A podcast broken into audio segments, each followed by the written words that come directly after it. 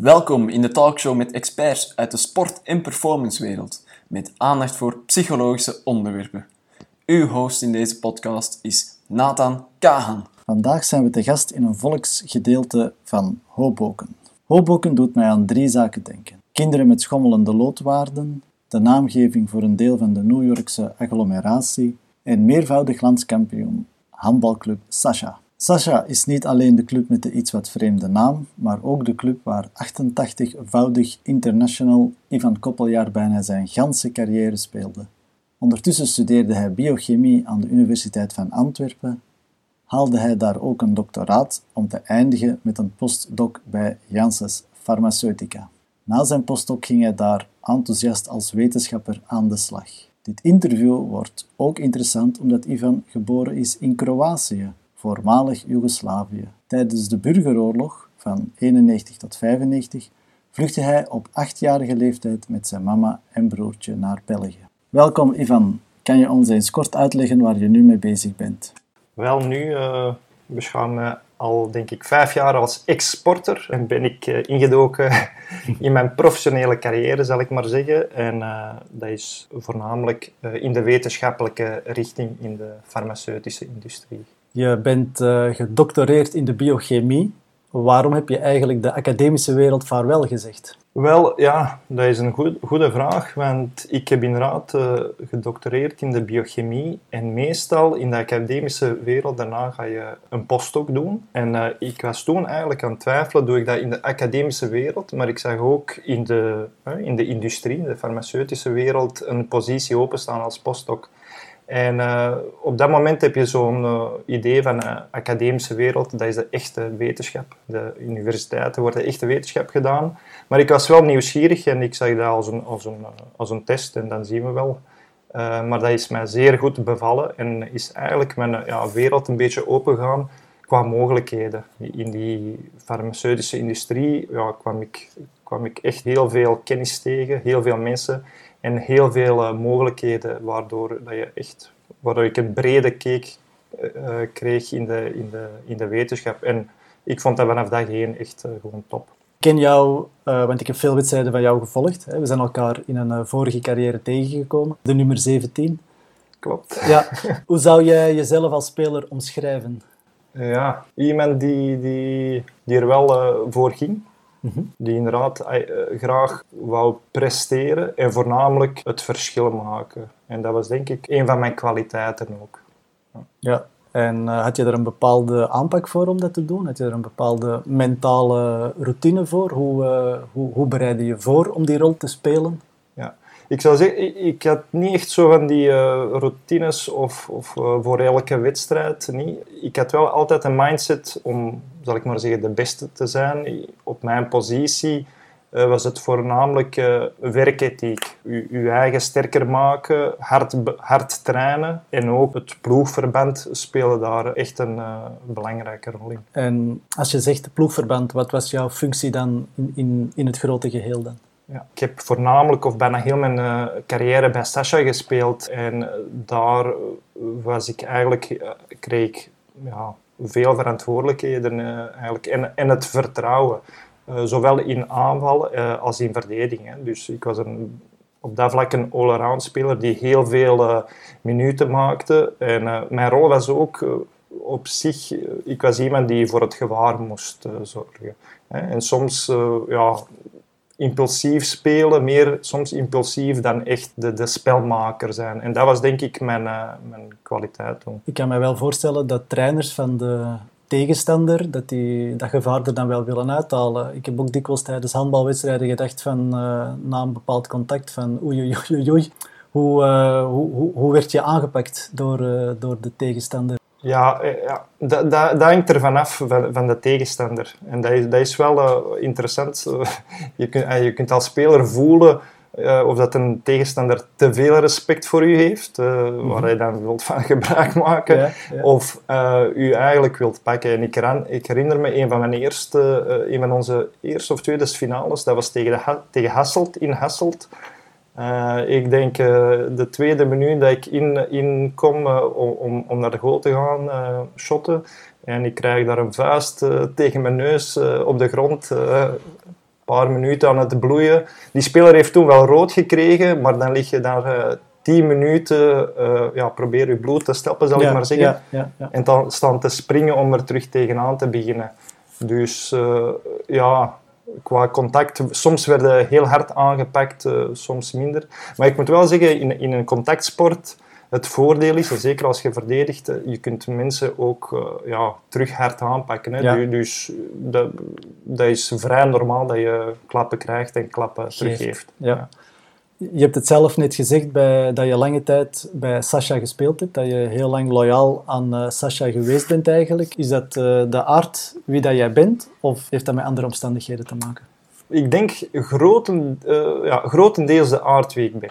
Omdat ik ook nu in mijn professionele carrière zit ik ook vrij goed en wil ik me eigenlijk binnen het bedrijf ontwikkelen en verder ontplooien. En ik denk bij Sasha was, was dat ook hetzelfde. Ik denk wel dat er een paar aspecten wel belangrijk zijn. Eén is identiteit. We hadden toen bij Sasha een heel duidelijke identiteit. Ook de kansen om te krijgen. Veel van die spelers hebben op jonge leeftijd de kansen gekregen om in de eerste ploeg te, te spelen. Verder ook denk ik het sportief niveau.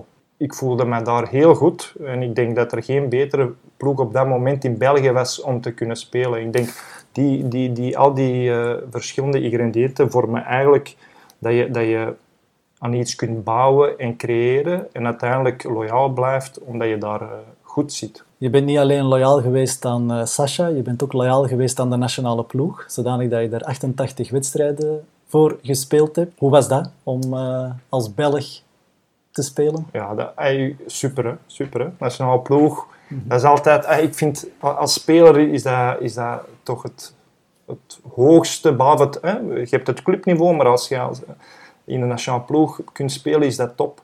En ik moet zeggen, in handbal in het begin was dat ook niet, uh, ja, was het niet ideaal. Uh, waren soms ook niet de beste spelers die speelden. Nu is dat wel het geval, hè, zoals het ook hoort. Maar ik vond dat uh, zowel een eer, ten eerste, maar ook dat prikkelde mij, omdat ik mij kon, kon weerspiegelen aan, aan de betere spelers van een ander land. En, dat was voor mij altijd wel belangrijk. Ik vond altijd de, de, de, de finale wedstrijden, play-off wedstrijden, de Europese wedstrijden altijd het meest interessante.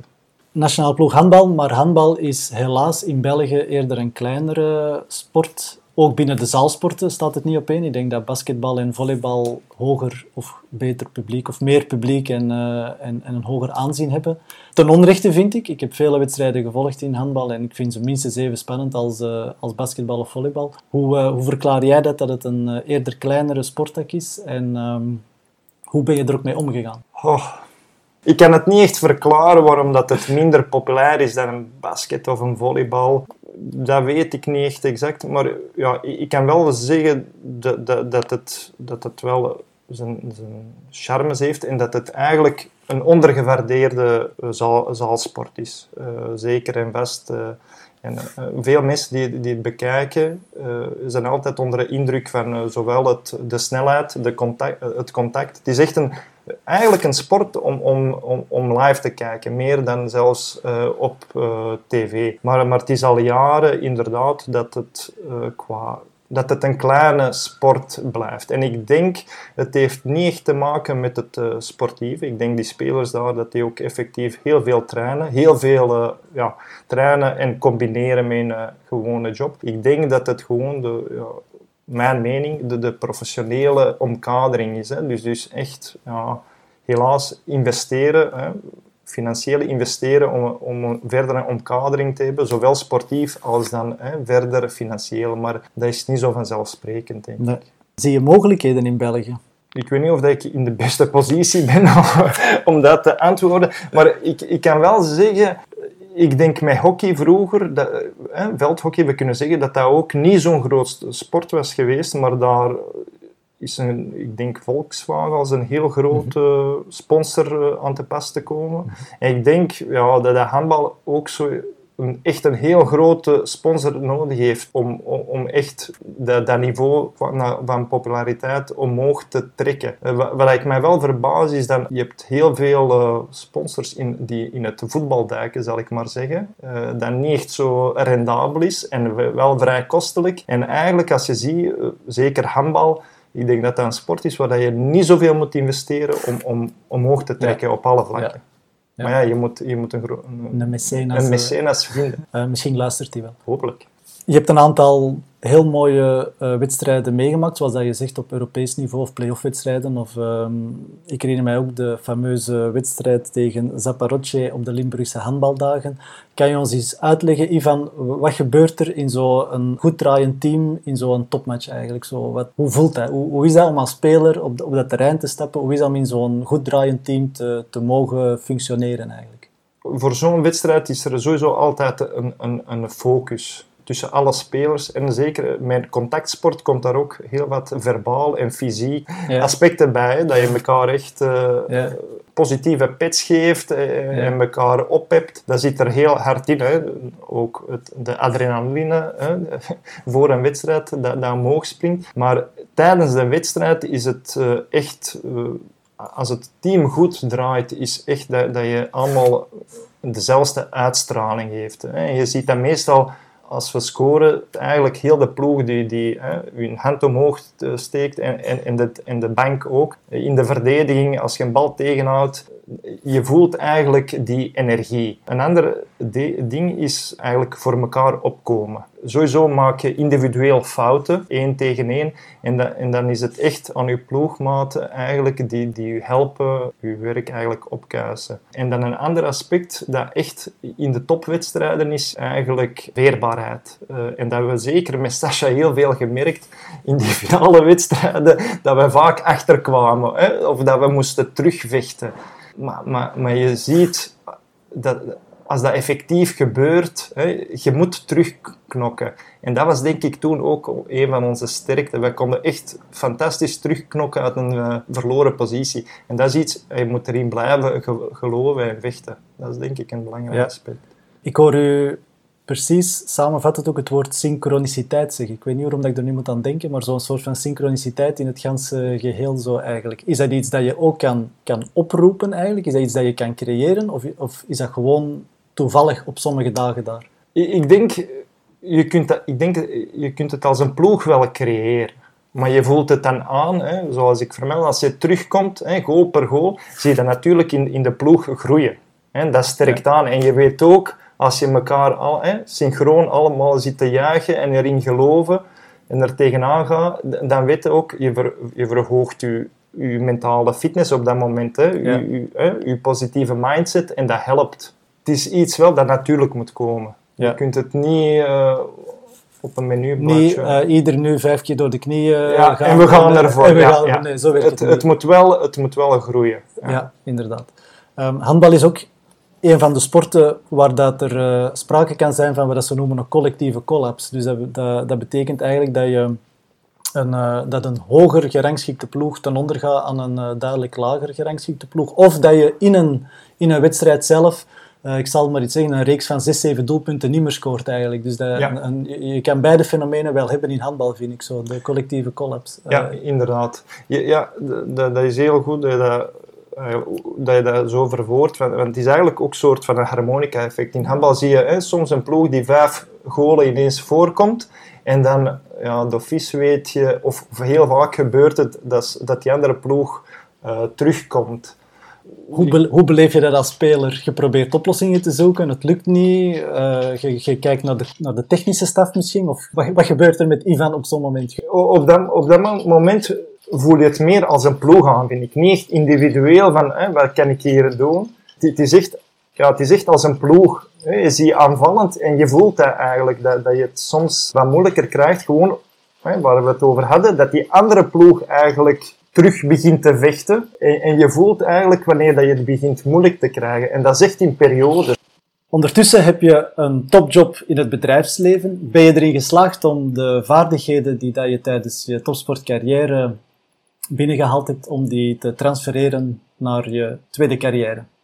Ja, zeker en vast. Er zijn, er zijn echt, ik heb echt eh, gebruik gemaakt van mijn sportieve eh, voorgeschiedenis om sommige elementen toe te passen als je, als je in, in je gewone eh, professionele job werkt. Zeker qua iets samen doen in het team, het communicatieve, dat zijn aspecten in, in de sport waarbij je vrij open moet zijn naar elkaar en ook vertrouwen onderling moet hebben, dat, dat denk ik uh, heel veel voordelen kan hebben in een professionele uh, job. Zijn er ook grote verschillen voor jou? Ja, uh, grote verschillen. Mm, bijvoorbeeld over communicatie? Ja, op zich qua communicatie zou ik zeggen, bijvoorbeeld in een, in een sport of zeker een teamsport ben je toch iets directer naar elkaar toe. En dat moet ook wel. Hè. Je, je moet elkaar, uh, zal ik maar zeggen, direct confronteren met, met als er iets fout loopt hè, tijdens het spelen. En in het bedrijfsleven is dat toch iets anders. Uh, hè. Dat, dat, is toch een andere mindset. En ik denk ook in het sportieve voor, voorlopig heb ik dat gevoel, het is toch anders als je een wedstrijd wint of een kampioenschap. Die adrenaline en, en, en dat enthousiasme hè, dat je op tv ook ziet als iemand scoort, ja. dat, dat, is toch iets, denk ik, eigen aan sport. En in het bedrijfsleven is dat toch... Je, je creëert ook iets of je werkt naar iets toe als een team, maar dat gaat toch heel uh, gemoedelijker. Ja. Behalve bij, wat was The Wolf of... The Wolf of, Wolf of uh, Wall Street. Wall Street, ja.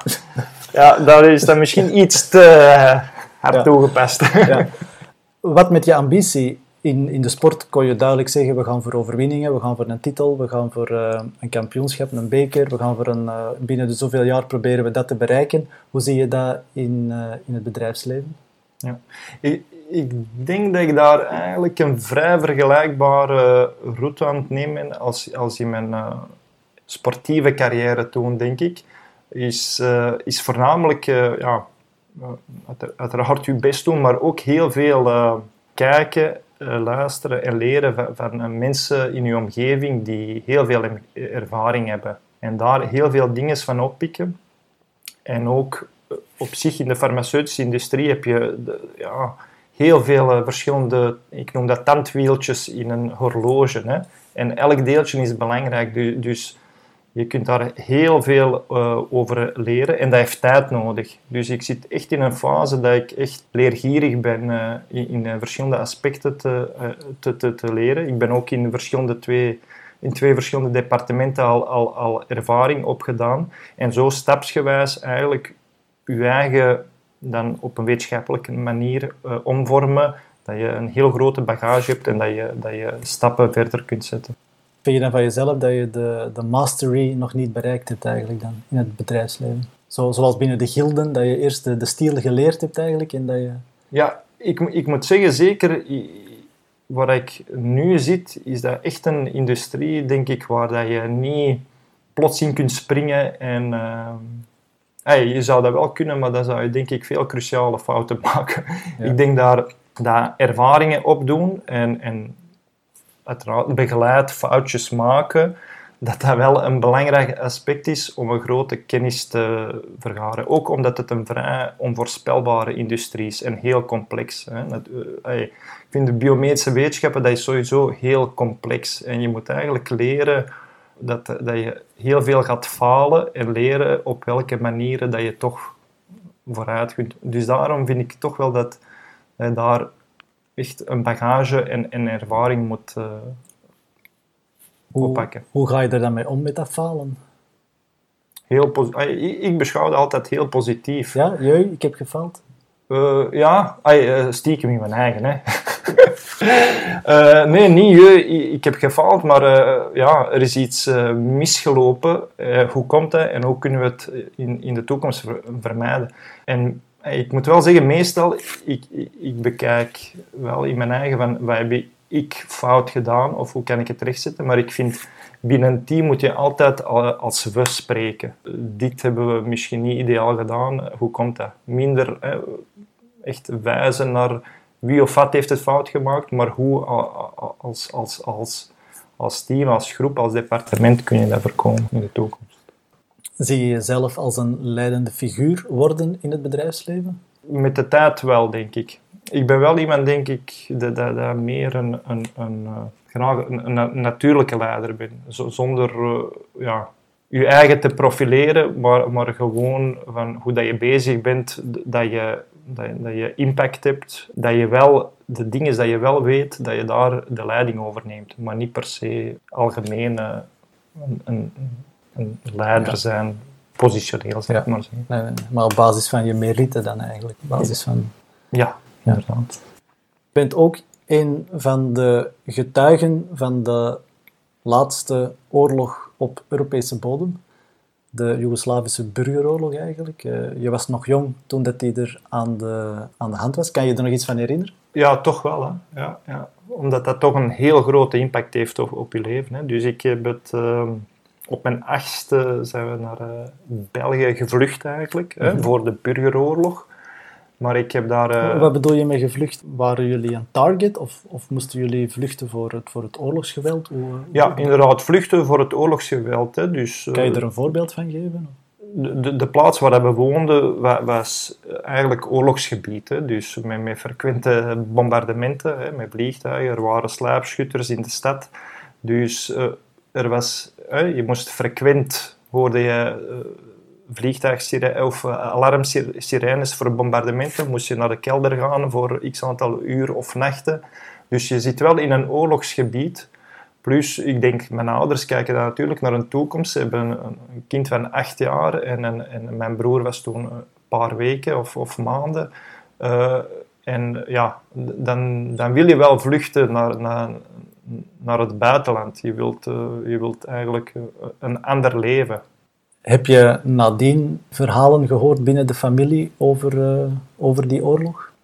Weinig, zeer, zeer, zeer weinig. En waarom? Omdat dat, dat interesseert me eigenlijk heel graag. Omdat je ook, dat, dat is een deel van je, van, van je, van je oorsprong, hè, van je voorgeschiedenis. Hè. Ik leef hier al heel lang in België. Ik voel mij meer Belg dan Kroaat of eh, Joegoslaaf, zullen we in, de, in, die tijd zeggen.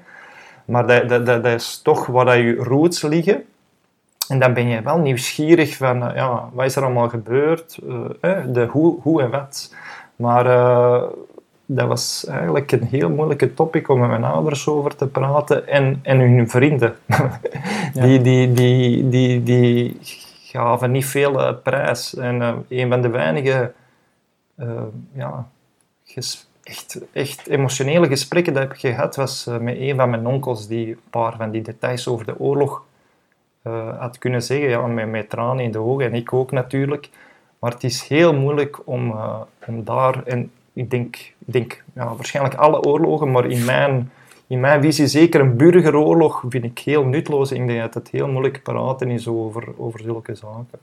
Zijn er familieleden gestorven of gewond geraakt tijdens de oorlog? Ja, mijn, mijn grootvader is, uh, is omgekomen tijdens een uh, bombardement. Hè. Dus ja, terwijl dat ze uh, aan het rijden waren, was er een, een bom naast die wagen gevallen. Hè. Ja, heel nutteloos. Hè. Ja. en dat heeft natuurlijk ook een grote impact gehad op mij. Dat heeft een impact gehad op jouw verdere leven? Ja, ik denk, ja zeker en vast.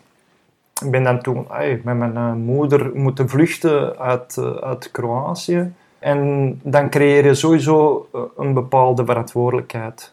je wordt gewoon als kind gedwongen om, om al een beetje volwassen te zijn.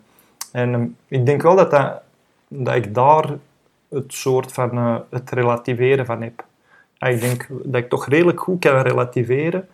Telkens, zal ik maar zeggen, als ik me druk over iets maak, dan kun je altijd refereren naar uh, wat je, wat je, toen hebt meegemaakt of wat de andere mensen op dit moment meemaken. En dan meestal zeggen hetgeen dat, hè, waar ik mij druk over maak, zo erg is dat eigenlijk niet. Beschouw je dat dan als het ware als een ankerpunt, die, uh, die oorlog?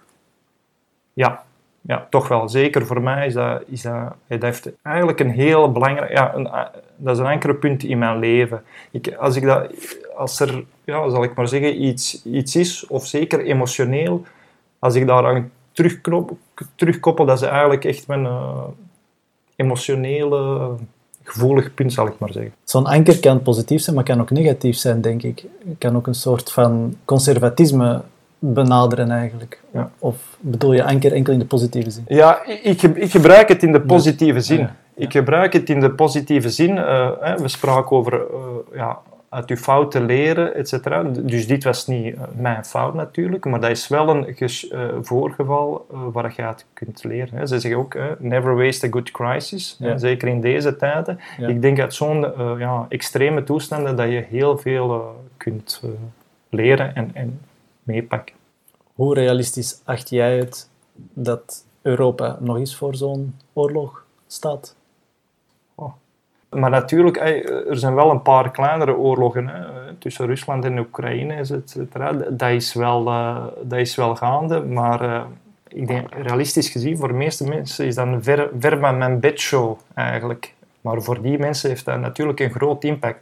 En uh, ja, als we dan realistisch zijn, eh, zeker wereldwijd, maar in Europa zal in de toekomst misschien ook uh, nog oorlogen komen. Maar ik, ik, vrees dat dat gewoon eigen is aan ons als mens. Ja. Heb je tenslotte voor ons nog een, um, een advies dat je ons kan meegeven? Een advies? Ja. Oh, voor u, Nathan? Of, uh... voor, de, voor de luisteraars.